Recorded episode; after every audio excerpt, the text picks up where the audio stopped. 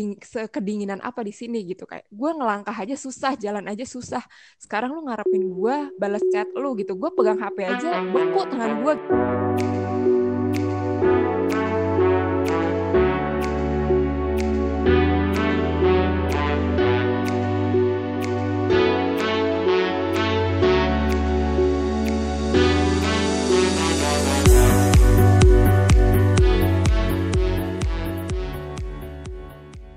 Halo pendengar masih sama, gue Debs dan gue yang akan menjadi host di episode kali ini. Gak kerasa ya, udah minggu keempat aja dan sebentar lagi April 2020 sudah mau berakhir. Semoga pandemi corona ini juga cepat selesai dan kita bisa beraktivitas seperti biasa lagi. Anyway, seperti yang kalian udah baca di cover atau di caption, mungkin kalian menyadari ada sesuatu yang berbeda nih. Yap, betul banget. Pada episode kali ini, kami menamakan program ini sebagai You and Me Program.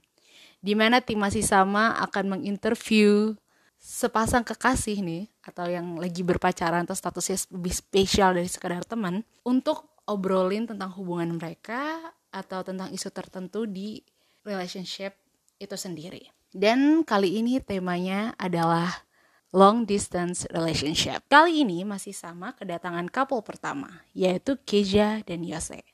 Mereka telah menjalani hubungan berpacaran selama sekitar enam tahun, tetapi baru mencicipi rasanya LDR sekitar dua tahun terakhir. Dikarenakan Yose yang harus pergi ke luar negeri, melanjutkan kuliah di Jerman, dan Keja sendiri tetap berkuliah di Indonesia. Kita bakal mendengar perspektif dari kedua sisi tentang hubungan mereka dan tentunya tentang long distance relationship itu sendiri. Sekedar informasi buat pendengar masih sama sekalian, recording ini dilakukan secara terpisah. Recording pertama kita bakal ngobrol-ngobrol bareng Bang Yose dan di recording kedua kita bakal ngobrol-ngobrol bersama Keja. Tentunya dengan pertanyaan yang sama persis, cuma kita bakal tahu nih, ada nggak sih perbedaan jawaban mereka atau perspektif mereka sendiri terhadap pertanyaan-pertanyaan tersebut. Lalu, diakhiri dengan obrolan bertiga sekaligus nge-review juga terus ya untuk pesan-pesan antara kedua belah pihak. Ini bakal seru banget ya, karena lagi-lagi setiap manusia memiliki pandangannya tersendiri terhadap isu tertentu dan apalagi ini sedang ngejalanin hubungan, ini pasti menarik banget kalau ada beda-beda gitu ya. Oke, tanpa menunggu lebih lama lagi, kita bakal langsung aja ngobrol sama Bang Yose dulu. Dari Bang Yose, boleh memperkenalkan diri dulu nggak nih? Nama saya Yosawat Valdino Sinaga, dipanggilnya Yose, tinggal sekarang di Cibubur, karena mahasiswa di Jerman jadi tinggal di Jerman nah, nama universitasnya di Jerman itu Technische Hochschule Mittelhessen mm -hmm, selesai ya selesai aja lah ya yeah. nanti takut di stalking iya yeah. betul juga betul juga ya udah berarti hmm. sekarang posisinya lagi di Jerman atau lagi di Cibubur nih lagi di Cibubur karena orang tua nggak merelakan gue untuk pulang dulu karena corona ini oh. kan jadi kayak oh. jadi sebelumnya lagi liburan berarti di sini yeah. terus nggak balik. Jadi gini liburan nih terus tiba-tiba corona iya, iya. terus akhirnya liburannya diperpanjang deh gitu. Wah. Jadi kayak bakal balik kapan nih kira-kira? Setelah kelar nih corona atau? Jadi gue kan di Jerman nih kan udah parah. Mm -mm. udah lebih parah lah. Mm.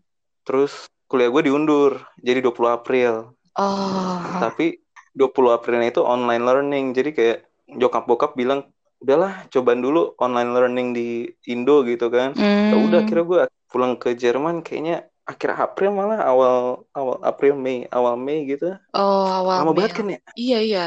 Tapi semua bakal iya. kayak gitu sedunia gak sih bang? Sedunia gue yakin banget sih sedunia online. Pasti pasti, pasti. iya yakin banget gue iya. Jadi berarti ini kan kita topiknya lagi LDR ya gak sih? Berarti iya betul sekali. walaupun ini istilahnya nih ya, ini diklaim sebagai hubungan LDR dan udah di Cibubur nih. Berarti udah yeah. udah sering ketemu lagi nih sekarang. Oh tapi corona ya? Uh, gue bukan pulang. ya sih, aduh kacau emang. gue tuh pulang tuh 13 Februari ya. Mm -mm. Ya kan? Mm -mm.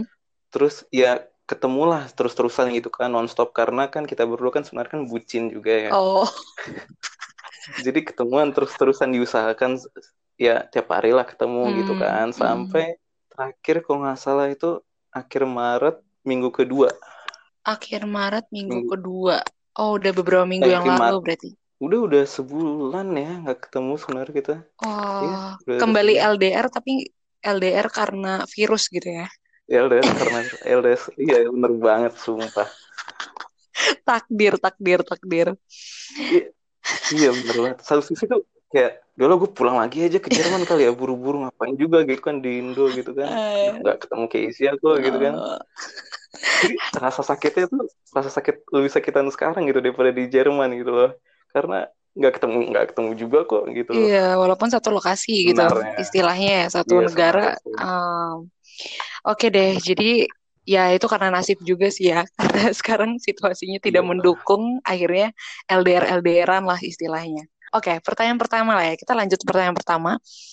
Kalian pertama kali tuh ketemu di mana dan kenapa bisa jadi nih proses dari kayak uh, oh ini Keja dan ini Yose dan at the end kalian akhirnya jadi resmi jadi pasangan. Gimana nih? Ceritain jadi, dong. Jadi gue tuh anaknya tuh apa ya? Kalau dibilang antisosial bukan antisosial tapi malas bergaul lah ya, malas bergaul. Jadi tongkrongannya cuman sekolah. Iya. Yeah itu pun kalau habis sekolah pulang sekolah pulang sama gereja karena ya gitulah rohani gitu kan oh. religius lah ya mm -hmm. ketemu sama Casey itu sebenarnya tuh di gereja karena oh. lagi katekismus lah ya iya, bilangnya iya. Uh, uh, iya terus sama dia di gereja jadi kayak sebenarnya nyokap gue sih yang kayak bilang ini cewek uh, cakep nih gitu oh, kan di trigger nyokap dulu iya nyokap gue kan yang ngajarin soalnya yang ngajarin Oh, katek gitu. Katek menarik, menarik. Jadi kayak, ya, ya ini yang ini nih manis nih. Gue tuh apa ya SMA itu kayak pacaran ya pacaran tapi nggak ngerti cinta-cintaan, ngerti nggak sih? Oh, masih polos sayang, gitu? Sayang banget tuh. Masih, masih, masih, masih, masih. Oh, wow. Masih polos sih sebenarnya. Maksudnya masih belum ngerti mm -mm. gimana deketin cewek, gimana gimana menjaga mm. gitu loh, menjaga hubungan itu masih nggak masih nggak ngerti. Jadi kayak ya udahlah dia dari awal awalnya sih dari gereja sih nah kan nggak ngerti itu terus ya. akhirnya jadi tuh gimana bisa gue takut ceritainnya karena gue takut salah ntar Casey marahin lagi eh, gak gak gimana gimana Nih, yang deketin duluan siapa sih? Gue, yang deketin duluan siapa? Gue. Oh. Gue. Oke okay, oke. Okay. Terus terus. Jadi gue jujur nih ya. Yeah. Boleh jujur kan ya? Atau harus jujur? Harus jujur lah. Tidak boleh berbohong di sesi ini. Jadi tuh sebenarnya tuh gue tahu Izia tuh suka sama gue. Oh. Wow. Oke okay, oke. Okay. Gimana tuh? Ada omongan orang-orang ya? Ada kayaknya omongan orang-orang gue juga lupa antara temen baik yang bilang atau siapalah yang bilang gitu jadi kan biasa masih alay lah ya jadi kayak suka mm -hmm. uh, update di Twitter gitu loh dengan ih gue suka nih sama ini dengan inisial inisialnya oh, dengan wah. gue bukan ya kepedean tapi temen-temen gue juga bilang ya itu itu lo gitu lah kayak udah ada kode gitu Sing, iya jadi seinget gue gue tuh ini yang gue inget nih ya mm -hmm. jadi tuh gue pertama kali beneran mau deketin dia itu tuh masih SMS masih SMS-an tuh. Oh, masih SMS-an. Terus terus. SMS-an karena ya gitulah. Ya, terus gue tuh lagi liburan sama keluarga gue di uh, oh tuh gue lupa lagi namanya di Ancol tuh kan udah pulau-pulau apa ya namanya? Aduh. Pulau Seribu. Oh, oke okay, oke. Okay. Ada pulau-pulau. Nah, terus, terus. Da dari sekian ribu pulau tuh gue di satu pulau itu lah pokoknya. Uh, uh. Ngechat lah, apa ngechat SMS lah gitu kan. Mm -hmm. Bacot bacot apa lagi gitu kan. Terus gimana lah ya dua minggu setelah itu tanggal 8 Januari gue jadian. Udah gitu doang. Dua minggu setelah lo mencoba? Iya. Oh. It, itu ingetan gue itu ingetan gue jadi case-nya kalau case-nya kalau salah please jangan marahin gue please banget please banget please jangan marahin gue, gue takut banget sumpah gue takut banget. Santai santai. Jadi uh, dua minggu ini berarti prosesnya hmm, apa ya chatting-chatting gitu ya bang? Iya SMS-an aja oh, chatting oh, iya. kan bang. Iya. SMS-an ya SMS-an. Wah. Iya, Oke okay, jadi itu ya uh, singkat cerita pertemuan kalian tuh. Nah. Iya tapi gue tuh waktu itu deg-degan banget asal tahu. itu baru level satu loh. Itu baru level satu loh bang. Oke. Oke. Oke. Ini informasi yang gue dapat dari Keja kalian udah pacaran enam tahun sekitar enam tahun bener gak? Iya benar enam tahun tapi mm -mm. itu putus nyambung putus nyambung. Itu nanti yang soal putus nyambung ada di sesi selanjutnya ya. Mantap. Oke. Okay. Nah sekarang kan enam tahun pacaran nih ya kan sekitar enam tahun nih in total kan. Iya. Nah, apa sih hal yang paling lo suka dan hal yang paling lo kayak hah dari Keja selama nonton ini? Kayak plus minusnya Keja nih menurut lo? Aduh, menurut gue tuh Keja tuh orang yang sangat luar biasa rajin sama a strong woman gitu. Karena dia tuh ngapa-ngapainnya itu sendiri gitu. Kalau dia butuh ke kampus, butuh apa, ada ada apa kayak project bawa bawa barang-barang gitu kan. Mm gue nggak ada gitu kan buat dia buat nganterin hmm. gitu kan hmm. ke kampus kayak gitu kan yeah, yeah. dan dia juga dia juga nggak dianterin bokapnya gitu dengan biasa itu dengan bawa barang-barang hmm, sebanyak itu dia tuh sendiri iya, iya. naik naik naik bus naik naik naik busway naik bus oh. naik, angkot itu yang itu gue salut banget itu hmm. dia orangnya mandiri banget itu gue sangat luar biasa suka tapi yang enggaknya itu jadi tuh gue tuh orang yang suka mencoba hal-hal yang baru gitu yang unik gitu loh yang aneh dikit-dikit aneh gitu kan Mm -hmm. Kezia tuh enggak. Seaneh apa tuh biar kebayang nih pendengar masih sama? Um, maksudnya gue tuh ya yang simple aja lah ya. Yeah. Kayak kalau ke restoran baru gue nyari menunya yang apalah gitu yang lain lah berbeda-beda lah gitu kan. Mm -hmm. Kalau Kezia itu enggak, dia mau ke mana pun sama, yaitu nasi goreng. itu kayaknya kaum kayak Kezia iya. nggak Kezia doang sih. Emang orang suka nasi iya, goreng. Tapi maksud gue, gue tuh kayak, oke okay, lu ke restoran mahal, restoran yang wow banget ya jangan nasi goreng lah gitu kan kayak cobain andalannya dia apa gitu toh iya, iya. toh gue kayak signaturenya ya oke okay, gue masih masih masih bisa kok gitu kan uh. kalau bisa ya silahkan kalau enggak ya enggak tapi jangan nasi goreng gitu jangan maksud gue tuh itu cuma salah satunya doang gitu mm -hmm. nggak nggak terus suka mencoba hal-hal yang baru gitu kelemahan Keja berarti gitu, ya udah uh, by default aja berarti pilihan dia di hal-hal tertentu gitu Iya sih, tapi kalau lu bilang kelemahan pasti dia juga kayak itu bukan kelemahan gue. pasti gitu. Aduh. Ya deh. Ya kalau dari uh, kelebihan dan kelemahan lo sendiri nih sebagai cowoknya Keisha, ada nggak yang lo sadarin sesuatu? Duh, jujur gue nggak tahu kelebihan gue apa.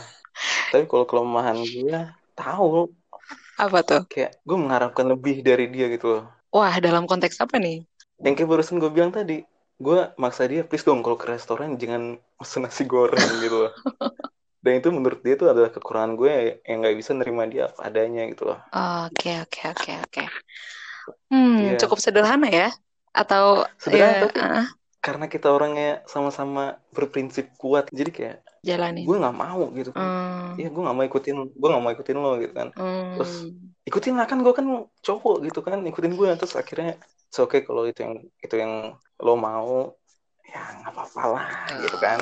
Jadi berusaha memahami okay gitu lah ya uh, berarti pertanyaannya ini waktu transisi nih dari yang tadinya mungkin bucin sering ketemu dan ya secara geografis juga nggak ada halangan nih untuk ketemu terserah kalian mau nah waktu menjelang pengen LDR nih transisinya itu gimana sih perasaannya dan prepare apa dan sekalian jelasin dong kayak before after dari lo nggak LDR dan LDR.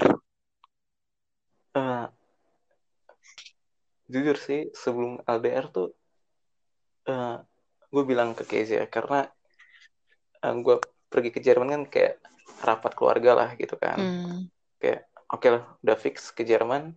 Iya, gue nggak ambil undangan karena sekolah gue juga nggak bolehin gue undangan karena udah fix gitu hmm. ke Jerman. Hmm yang lain-lain bimbel gue les bahasa Jerman jadi pas saat itu gue udah bilang Keze um, gue bila, boleh panggil saya nggak sih? Boleh boleh lah boleh lah boleh, boleh banget. Uh, terus gimana?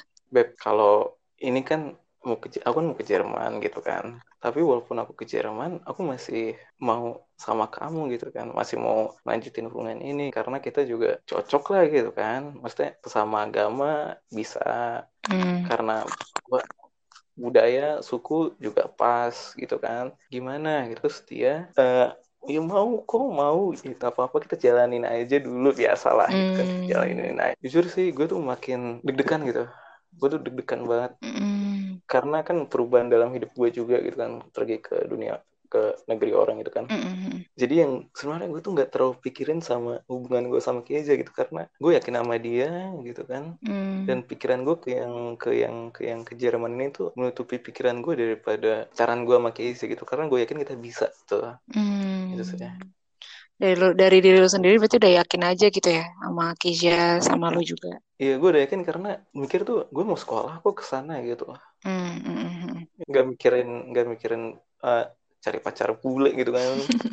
Ya, enggak gitu. Gue nggak mikir ke sana gitu. Iya iya iya.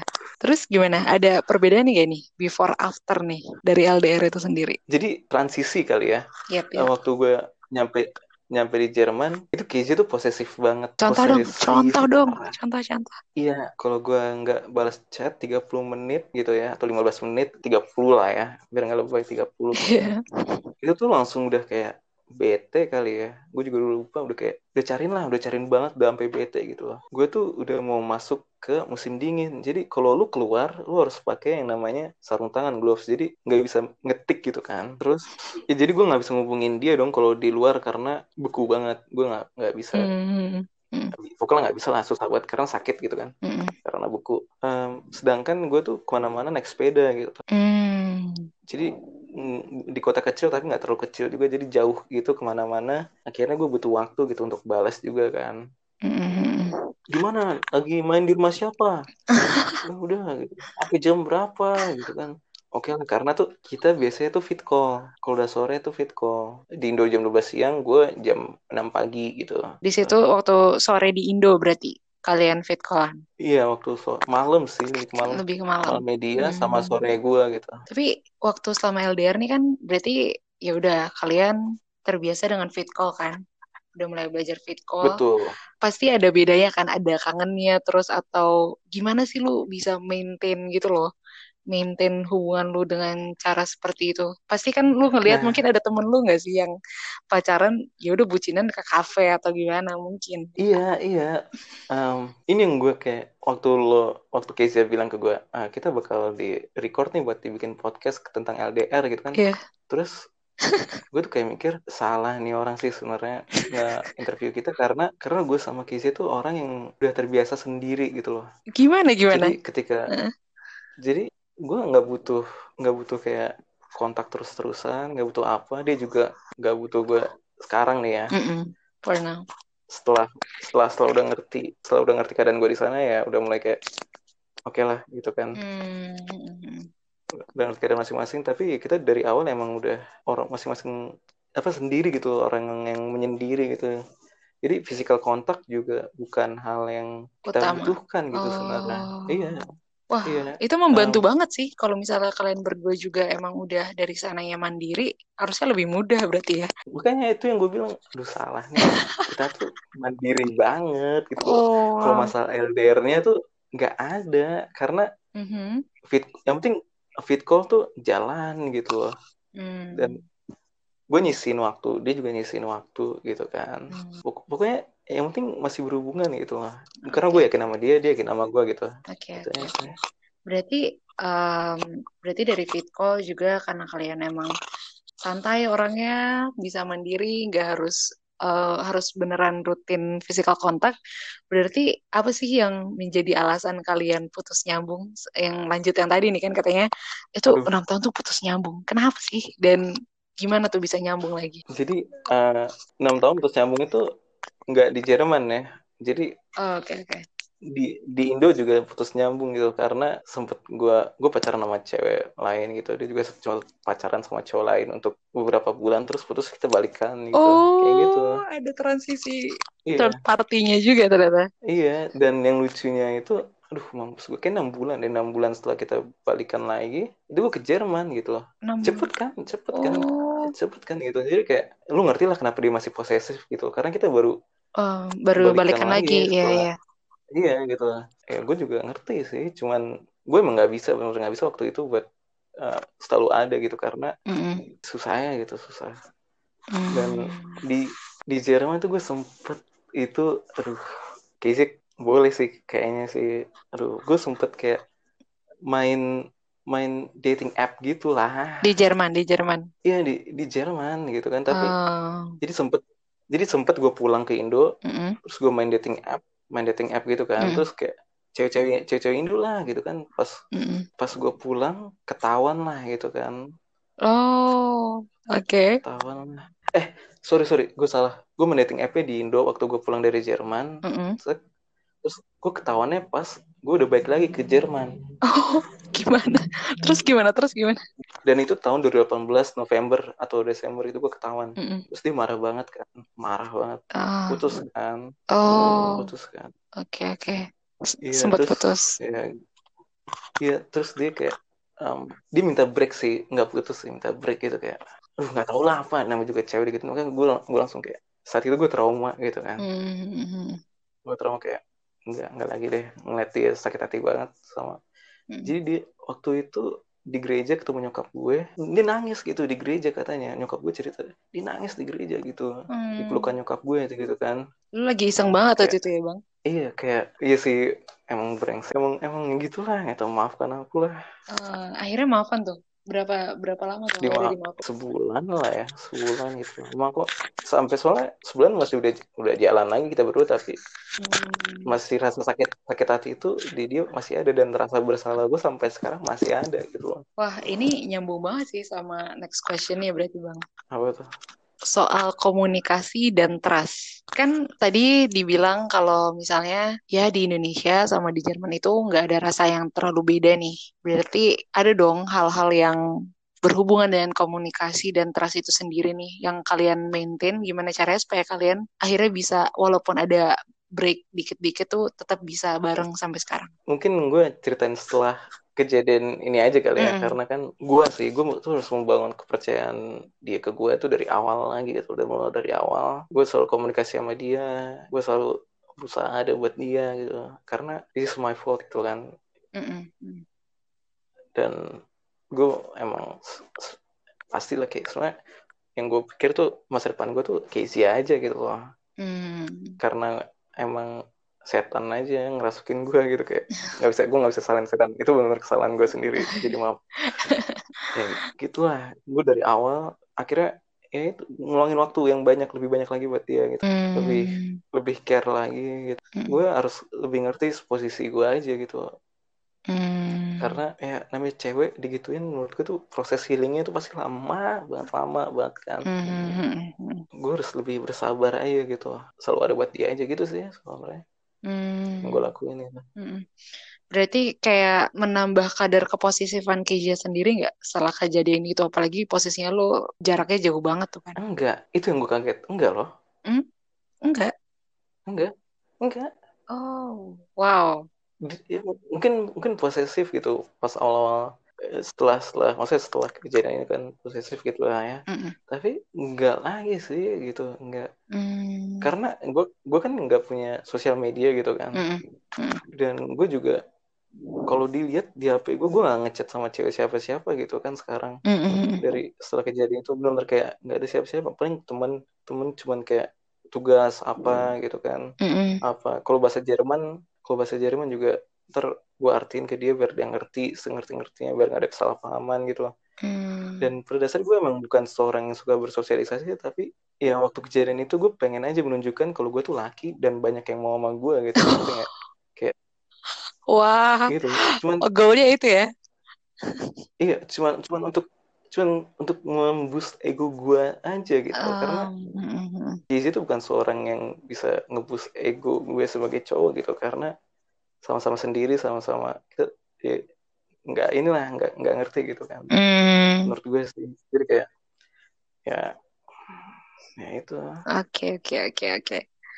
Sip Berarti last question. Tapi tadi udah agak kejawab sih. Lo ngelihat seberapa jauh sih tentang hubungan lo sama Keja gitu untuk ke depannya? Maksud lo uh, rencana kita ke depannya? Yes. Do you have plan atau ya, something? Ada sih plan, tapi ya lihat aja nanti deh. Gue sama Keja katanya rahasiain aja. masih lihat nanti dulu ya. Gak boleh, masih, masih rahasia, rahasia. Masih rahasia tapi udah ada omongan-omongan lah dari uh. beberapa pihak. Oh, lucu sekali. Oke, akhirnya selesai juga recording bareng Bang Yose. Selanjutnya kita bakal ngobrol-ngobrol bareng Keja dengan pertanyaan yang sama. Tapi sebelumnya Keja boleh memperkenalkan diri terlebih dahulu. Gue Kezia, sekarang hmm. uh, semester akhir kuliah, lagi nyusun skripsi, tinggal yeah. di daerah Cibubur, uh, sekarang 22 tahun. Oh, oke oke oke. 22 tahun terus tinggal di Cibubur nih. Ya? Sama iya. kayak Bang Yose berarti ya. Iya, sama-sama orang Cibubur. Oke, jadi tadi Bang Yose udah cerita nih tentang pertama kali pertama kalinya ketemu tuh gimana dan kenapa bisa pacaran. Ya dari perspektif Keja. Jadi tahun uh, 2000 2013 kenalannya. Hmm. Jadi tahun 2013 itu kita uh, kelas katekisasi. Kalau di agama Kristen itu uh, kalau kita remaja itu ada kelas katekisasi. Mm -hmm jadi kita ketemu di gereja dan sama-sama kelas katekisasi di tahun yang sama. Mm. awalnya aja gitu sama-sama gimana sih satu kelas ya main-main biasa gitu. Bahkan dulunya nggak deket nggak deket banget. Jadi kayak dia main sama teman-teman cowok dia uh, gue main sama teman-teman gue gitu kan. Mm uh, sebenarnya awalnya itu gue tuh udah kayak sering ngeliatin gitu kayak udah uh, mm gimana tapi belum bisa dibilang suka ya cuman kayak masih sering merhatiin ngeliatin gitu. Terus kayak gue sering ngomong ke teman-teman gue kayak eh, eh si Yose ini lumayan juga ya gini gini gini gitu.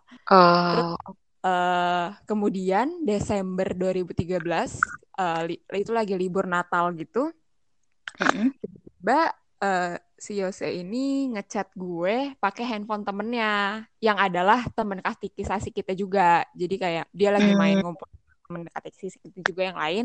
Terus tiba-tiba hmm. dia ngechat gue pakai handphone temennya ini. Kaget dong gue gimana sih kayak seorang hmm. cewek lagi lagi gimana sih lagi sering merhatiin cowok ini tiba-tiba cowok ini ngechat lo dengan dari dari handphone orang lain gitu kan kaget ya.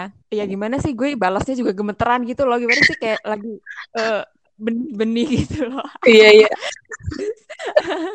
terus ya udah dari situ gimana ya ngechatnya masih bercanda-bercanda doang kayak hmm. lagi liburan kes terus kayak uh, uh, ya udah have fun ya selamat Natal gitu-gitu hmm. terus besoknya dia baru ngechat gue pakai handphone dia jadi oh. mungkin dia mungkin dia minta nomor gue dari temennya ini terus besoknya dia ngechat gue pakai nomor handphone dia terus ya hmm. udahlah hmm. kita intens lah lama-lama ngobrolnya hmm. sampai akhirnya uh, Januari 2014-nya jadi kita tuh hmm. ngobrol pendekatannya tuh cepet banget kayak cuman seminggu dua minggu kalau nggak salah deh. Hmm. Jadi Januari 2014-nya dia nembak lah. Ya udah, jadi dari situ pacaran Januari 2014 gitu kalau nggak salah. Iya benar. Akhirnya jadi ya. Jadi kayak proses pendekatannya nggak begitu lama. Nggak begitu lama, cepet banget. Tapi ya karena gue gimana sih? Karena gue emang udah dari sebelum dia ngechat gue aja, gue udah sering ngeliatin dia gitu loh. Jadi kayak, aduh gila, gue kayak cepet banget bilang iyanya juga karena emang gue udah sering ngeliatin dia gitu. Betul, betul, dulu. Ini ini tidak bisa hilang ini gitu ya. Iya. nggak nggak perlu mikir-mikir lagi gitu. Uh, lucu banget. Berarti kalian beda SMA bukan waktu itu ya? Mm -mm, gue satu SMA, dia dua SMA. Kita beda satu tahun, dia di atas gue setahun. Oke hmm, oke. Okay, okay. Next question nih kalau menurut Kezia sendiri, hmm. kelebihan dan kekurangan Bang Yose sendiri nih sebagai cowok, sebagai pacar nih apa sih? Sebagai pacar ya. Yes, yes.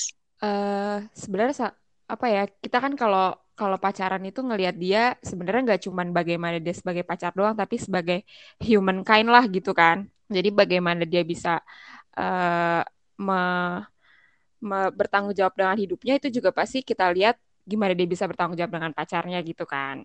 Kalau yang gue lihat dia itu orangnya bertanggung jawab, kemudian gigih. Jadi dia mau apa dia pasti selalu uh, berusaha dapetin. Walaupun kayak dia gagal terus gitu. Cuman dia nggak pernah capek untuk dapetin apa yang dia mau. Family man banget, sayang keluarga, deket sama keluarga, selalu mementingkan orang lain duluan dari dirinya sendiri. Kalau kekurangannya, dia orangnya overthinking banget. Jadi apa-apa yang dipikirin. Mungkin karena overthinking itu dia juga jadi orang yang kadang pesimis juga gitu.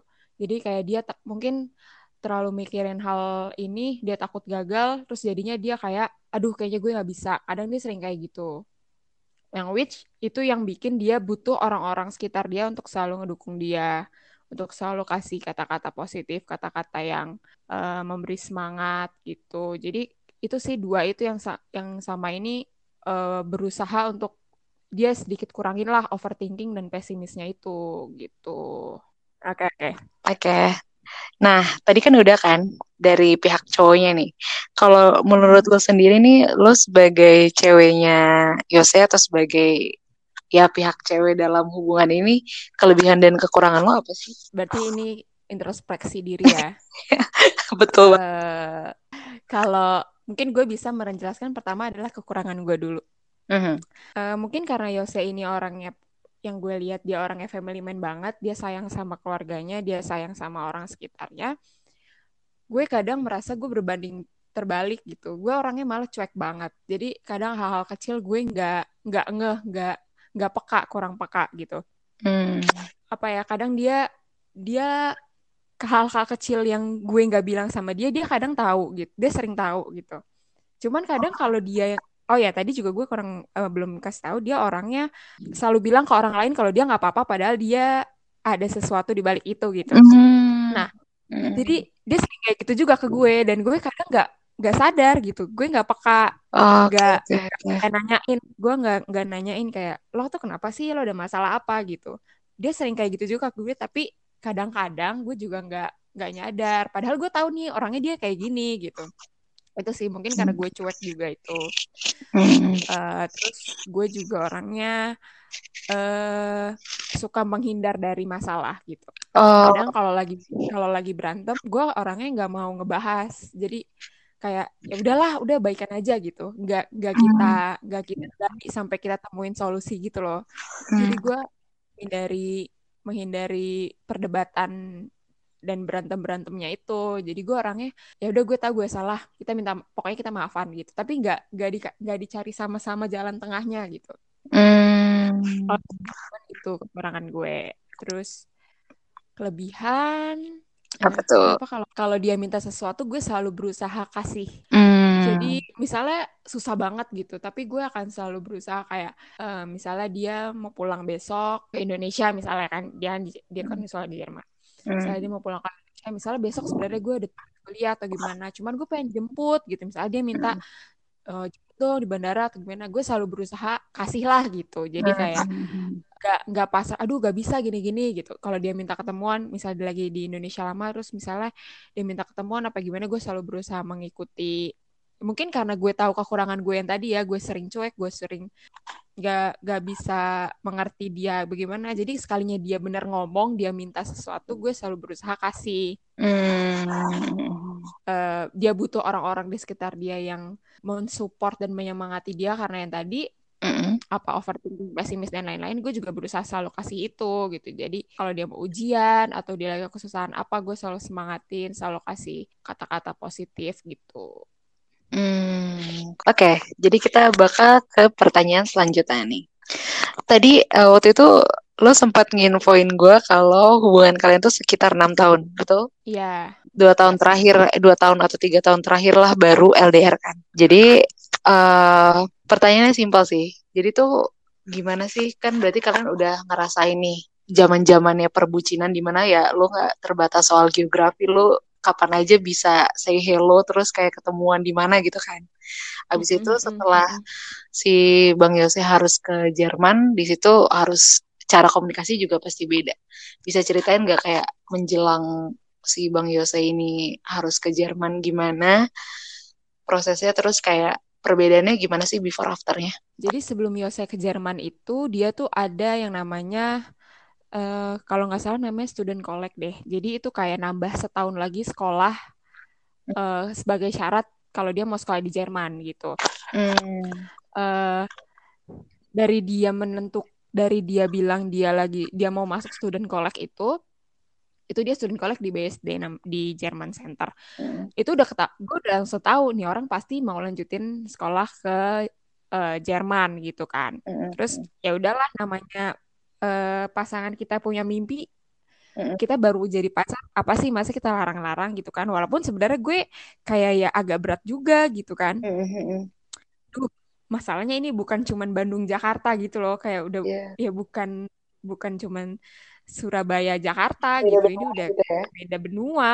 Mm -hmm. kayak kayak nggak mungkin banget kita expect dia sebulan pul eh, tiap sebulan pulang gitu kan. Gue udah mikir ke situ-situ.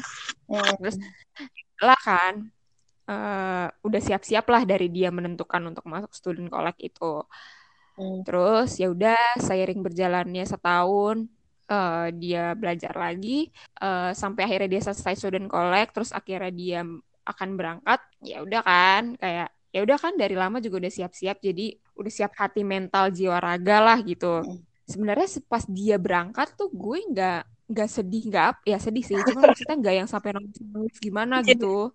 Karena emang karena iya karena emang udah gitu ya?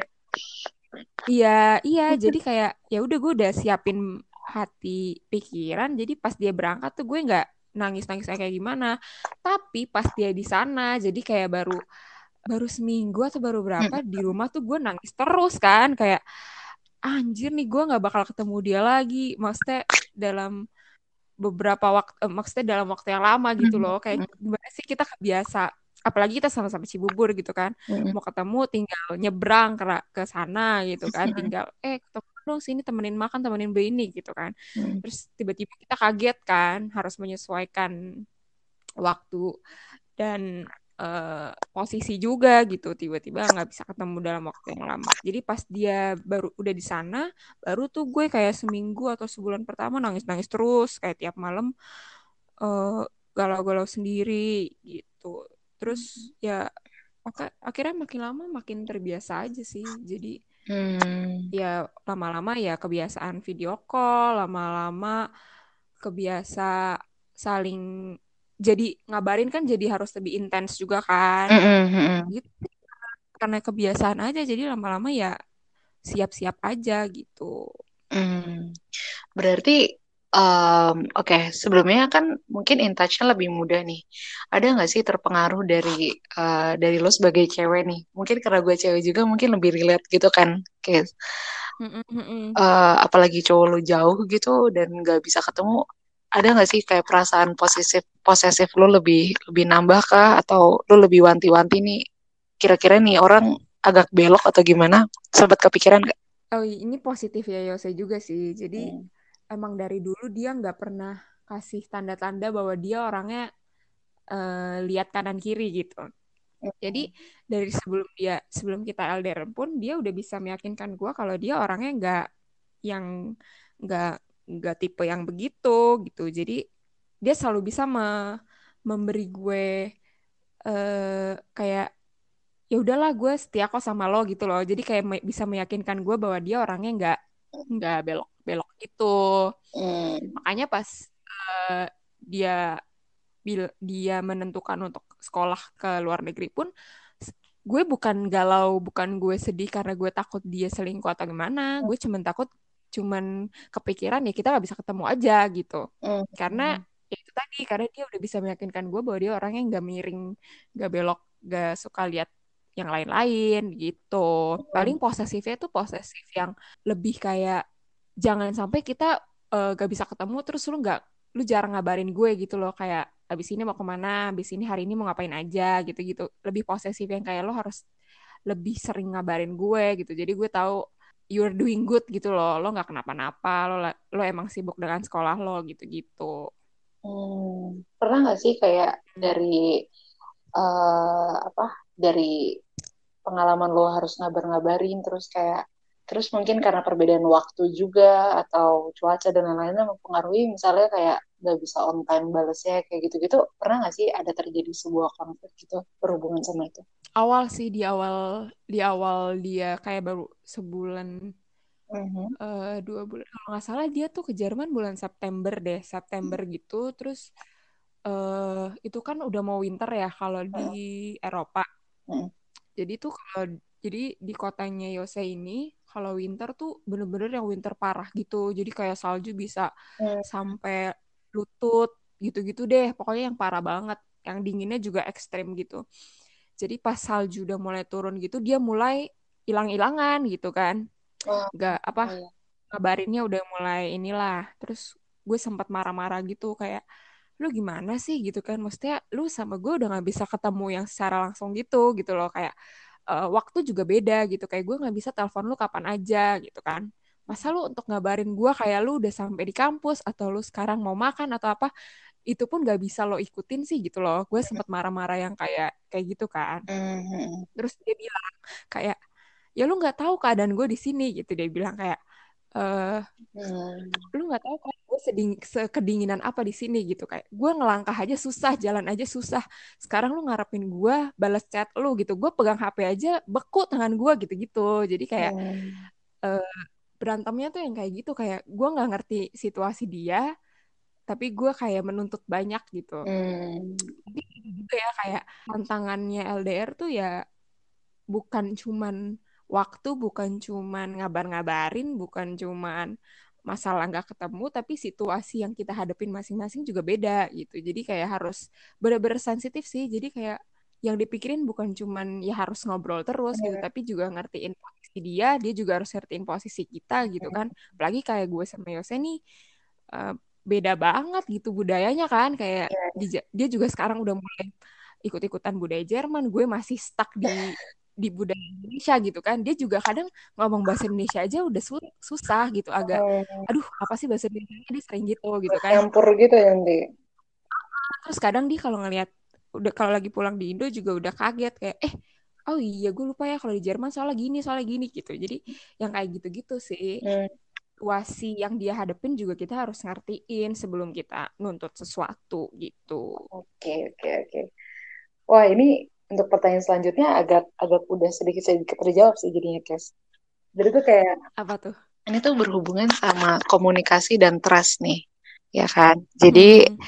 uh, sebenarnya tuh kalau dari yang umum nih ada di buku-buku per LDRan atau di tweet, Tumblr, internet dan sebagainya kan emang ini pasangan hmm. LDR tuh paling suka galau di internet kan sebenarnya mm Itu tuh tentang komunikasi dan trust itu sendiri. Gimana sih kalian cara maintain hubungan kalian? Uh, apa ya? Fungsi dari komunikasi dan kepercayaan itu kalian implementasinya gimana dalam hubungan kalian gitu? Hmm.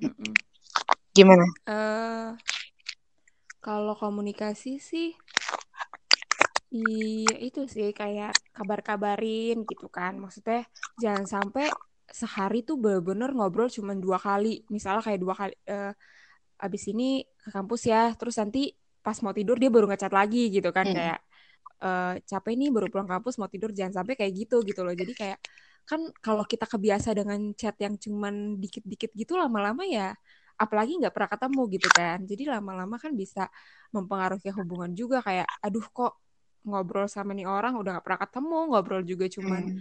se secukupnya doang gitu kan kalau bisa tuh terus-terusan gitu jadi kayak cerita hari ini ngapain aja tadi jadi Yose tuh sering cerita kayak tadi aku telat gini-gini terus pulang beli beli nasi goreng dulu ke sini hmm. terus eh nyampe rumah nasi gorengnya ternyata gini-gini jadi tuh cerita yang hal-hal kecil gitu kan bisa bikin kita ya makin makin tau lah ke, sehari-hari dia gimana terus jadi juga tertarik sama jadi kan kalau kita cerita kayak gitu lama makin lama ceritanya merembet ke sini ke sini ke sini gitu kan. Jadi ya berbagi hari-hari dengan kayak gitu tuh yang bisa bikin ya hubungan jadi nggak bosan juga gitu. Apalagi nggak pernah ketemu, nggak pernah gini. Hmm. Lebih ke yang cerita-cerita gitu sih. Okay. Jadi komunikasi itu terus dijaga hmm. dan yang dan cerita-cerita itu kan yang bisa juga bikin kita percaya kalau dia nggak macam-macam gitu kan. Hmm. Dan yang pasti sih pikiran positif aja sih kalau misalnya kita mikir duh apa dia bohong ya dia sebenarnya nggak nggak ke sini ternyata dia misalnya jalan sama cewek lain kan gitu pikiran kita yang lama-lama capek juga kan mm -hmm. Jadi sebenarnya ya udah lo pikir positif aja gitu. Toh kalau dia sebenarnya main-main uh, pada waktunya akan ketahuan juga sebenarnya. Jadi sebenarnya kalau LDR itu yang penting uh, percaya terus komunikasi juga lancar. Dan pikiran juga harus positif gitu. Jangan apa-apa curiga apa-apa negatif. Kalau kayak gitu ya percaya rasa percaya itu juga su susah buat dibangun gitu iya, kan betul, betul. jadi sebenarnya hmm. dia itu sih kayak siapin hati kalau emang dia macam-macam tuh waktunya juga akan menjawab kap dia sebenarnya ngapain gitu tapi uh, yang penting pikiran positif aja sih hmm. gitu oke okay, oke okay. oke okay, itu tadi udah last question banget gitu Kak Yuhu. Okay. Jadi nggak susah ya, nggak susah ya berarti ya? Enggak enggak saudara enggak. Tapi gue udah keburu deg-degan aja. Oh, iya. tapi thank you banget ya. Pertama tuh thank you banget udah mau direkam nih. Sama-sama. Iya. Tapi by the way dari gue mendengar uh, perspektif satu sama dua ini gue harus pakai surat dulu sih. Boleh publish atau beda banget kan? Seru paget kayak udah Uh, Oke, okay. kayak nggak beda nggak beda banget sih, tapi kayak ada hal-hal yang agak Ih, berbeda gitu. Masing-masing pertanyaan sama persis ya ditanyain oh, ke kalian. Okay. Kayak tadi uh, Bang Yose kan ngomongin soal nasi goreng hmm. konteksnya kan, terus tiba-tiba Keja emang nggak konteksnya nasi goreng sih, tapi dia tetap ngomongin nasi goreng sebanyak dua tiga kali ya, buat contoh sesuatu gitu. iya apa? Terus yeah, yeah, kayak yeah. tadi tuh ngomongin soal uh, situasi yang berbeda nih. Soalnya kan kata Bang Yose juga, ya ini kejanya nggak ngerti aja. Gue udah beku nggak bisa. Oh iya. Yeah, yeah, yeah.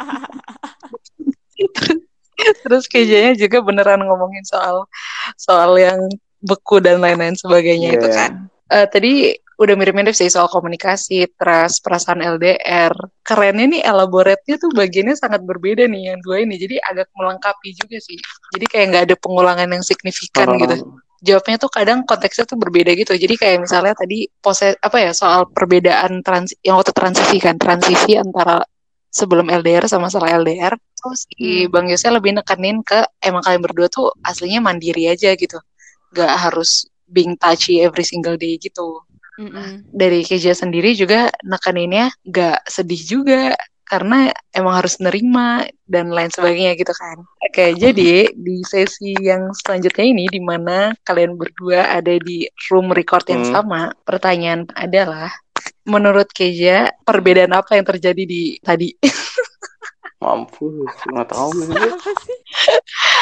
perbedaan apa yang kira-kira Bang Yose ngomong ini, lo ngomong ini, atau Bang Yose ternyata ngomongin hal oh, yang lo nggak gitu, omongin. Iya. Ada nggak? Pas tadi kita sendiri. Iya. Sendiri. Ada feeling suatu atau ah enggak kayaknya ya emang kayak gitu deh feeling sih tadi pas pas lo bilang uh, nasi goreng gue udah tahu nih pasti dia ngomongin enggak eh iya deh dibahas nasi goreng pasti dia bilang kekurangan gue ada uh, tidak suka mencoba hal baru betul betul pasti dia betul bilang, banget. Ini Keze nih orang tuh gak suka coba-coba hal baru gitu. Kalau gue tawarin dia sesuatu ini pasti dia langsung nolak. Gak iya. mau nanti gue iya udah mati sih betul tapi kayak sekarang udahlah udah ngerti aja ya sih? Iya iya. Udah paham. Iya harusnya tadi pas iya harusnya tadi pas gue kamu udah tahu loh padahal kayak itu udah itu udah kayak iya karena tadi dibilang nasi goreng gue langsung Tiba-tiba langsung oh berarti koneksinya masih bagus banget nih. Karena dari satu kata nasi goreng udah tahu pertanyaan Soalnya mana yang beda. yang gue bilang itu gue tuh nggak mengada-ngada. Itu gue nggak mengada makanya gue boleh dong itu bilang gitu. Bener kan bener? Sekesel itu loh kes. Kesel itu kes. Iya. Dari cara ngomong kita tahu gue ya. nggak nyangka ngelambenya malah soal nasi goreng. Terus gue kayak ya kan banyak orang yang suka nasi goreng gitu. Kayak bang Yose sendiri ada nggak sesuatu yang beda nih dari yang lo katakan lo katakan sama, Ke, sama Keja atau ada informasi yang Keja mungkin gak kasih tahu dan kalo, lo kasih tahu? Ada nggak kalau gue pasti beda kayaknya beda tuh enggak ya. Tapi yang dia tuh jawabnya hmm. tuh be, jawabnya tuh kayak informasi yang lain gitu. Yang yang, yang lain sorry? gitu. Kan banyak kejadian gitu loh jadi dia pakai pakai cerita yang lain hmm. pakai peristiwa yang lain gitu. Tapi Maksudnya iya maksudnya sama, sama. cuman uh, ya, uh, bukan bukan informasi yang berbeda cuman kayak melengkapi gitu. Oke. Okay, oke okay. hmm, mm -mm. aja yang mm -mm. betul betul betul. Berarti itu aja yeah, itu yeah, aja yeah, itu yeah, aja. gue gue masih belum pas dengan jawaban bang gue sih gitu sih. Kalau beda berarti guanya aja yang lupa gitu loh. Enggak berarti kijanya yang lupa bukan lu nya woi. Iya. kan informasi lu empat. Oh iya oh. Keja dua. Berarti Kezanya aja. Eh sumpah. Padahal gue udah kayak Oh iya ya kak kak kak. Situasi yang lain sih yang oh, diceritain oh, iya, gitu. Iya. Tapi overall overall kalau gue bisa kasih gambaran nih ke kalian sebelum dengar final uh, audionya. Kalau ke Keja nih aud- uh, dia tuh ngejawabnya lebih ke apa ya? Tipikal cewek optimis, positif, encouraging, iya. empowering. Makanya gue bilang dia tuh kuat. Kind of thing. oh, iya betul-betul lu dibilang kuat. Strong woman. Strong gitu. woman. Terus kalau dari Bang Yose ini lebih kayak apa ya? Lebih kayak sesi iya, introspeksi ya. Bakal ngejaga keja banget. Jadi bakal ya, soalnya kalau berantem keja tuh pasti bilang kita introspeksi diri aja deh. Ya, yeah, that's my way of life gitu sekarang gitu. Introspeksi gitu. Uh, mau spoiler gak satu kata? Hal yang bener-bener dijelasin sama Bang Yose oh. tapi nggak dijelasin Kezia kayak sama sekali pada gue nunggu. Apa? Apa Kes? Gue tau. Uh, apa apa Bang? Apa nggak tahu? Oh, enggak. Yang Sebutin. putus nyambung karena dating app itu kan sih? Iya. Iya. itu. Iya. Oh, itu. eh, itu dia jelasin di pertanyaan yang mana emang ada yang hubungan? Uh, itu bagian apa cuman, ya? Yang putus nyambung yang before after LDR itu tuh sebelum LDR-nya gitu. Ya, itu kan hmm. Jadi tuh sebenarnya nggak masalah hmm. banget karena sebelumnya bahkan ada kejadian yeah. itu gitu. Jadi makanya kan enggak oh, iya. gue pengen ngomong. iya. Enggak, tapi logis tau. jadi kayak kan gue bilang ke lo kan kalau DJ tuh nggak jadi posesif jadi biasa aja gitu kan tetap biasanya jadi aja lupa enggak loh mungkin karena gue nggak ceritain karena iya iya itu benar banget sih karena sensitif buat gue gitu loh Nah, makanya ini ini something sensitif, makanya gue bilang gue nggak tahu nih si Keja. Iya, makanya kemarin tuh kan. kemarin tuh gue nanya ke Keja, kemarin gue nanya ke Keja. Kita kan ada satu ada satu hal di masa lalu yang nggak mengenakan gitu kan. Gue juga uh, gue juga nggak pengen cerita gitu kan karena pasti Keja sakit lagi gitu. Uh, Tapi Keja bilang kan harus informatif uh, gitu kan. Gimana ya untuk penempatan?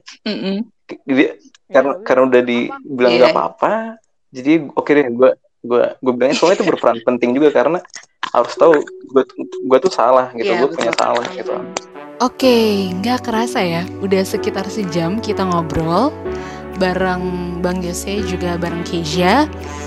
Thank you so much buat kalian berdua karena udah menyempatkan diri mengobrol bareng aku nih uh, di masih sama.